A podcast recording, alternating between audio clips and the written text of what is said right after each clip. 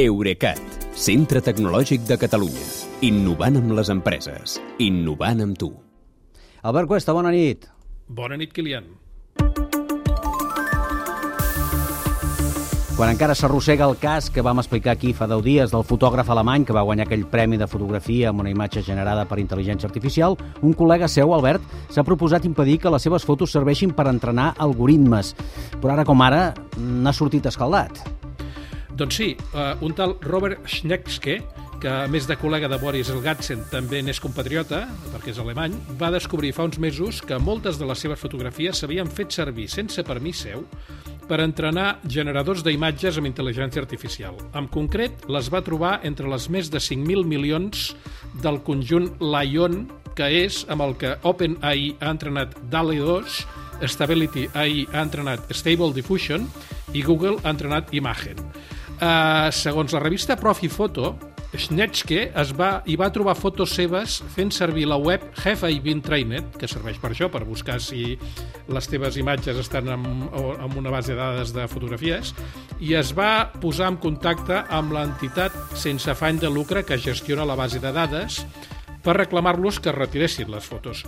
La sorpresa, i per això eh, diem que n'ha sortit escaldat, és que els advocats de l'entitat li han respost que no tenen cap intenció de retirar les imatges perquè no han infringit cap dret d'autor i a sobre li exigeixen que sigui ell qui els pagui 900 euros per compensar-los les molèsties.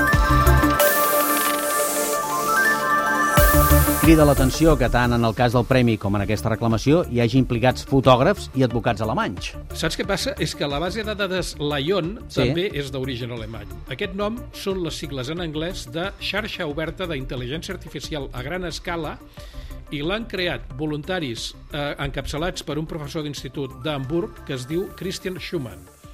Uh, fa uns dies ja llegíem a Bloomberg un reportatge sobre aquesta gent que fa només dos anys es van posar a descarregar imatges de Pinterest, de Shopify, d'Amazon, de YouTube, catàlegs de fotos publicitàries, fotos de pàgines webs de govern de tot el món i de diversos diaris, també especialment britànics. I després les han anat etiquetant amb les descripcions del contingut. I així fins a arribar als 5.000 milions d'imatges de tota mena que Schumann i els seus advocats diuen que no vulneren cap dret d'autor, perquè només es fan servir en finalitats de recerca i ells tampoc en cobren res per accedir-hi. A mi el que em grinyola aquí és que tot aquest contingut Sí. suposadament gratuït està servint per impulsar el negoci d'algunes de les empreses, d'aquestes que totes aquestes que dèiem, mm. fins i tot algunes de nova creació, que actualment generen més negoci que cap altre perquè a tothom li ha agafat la falera d'incorporar algoritmes a la seva, a la seva activitat. Ja. Albert, gràcies, que vagi bé. Bona nit, Kilian. Fins demà.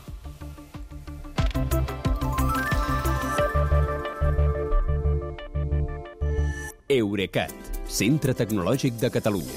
Innovant amb les empreses. Innovant amb tu.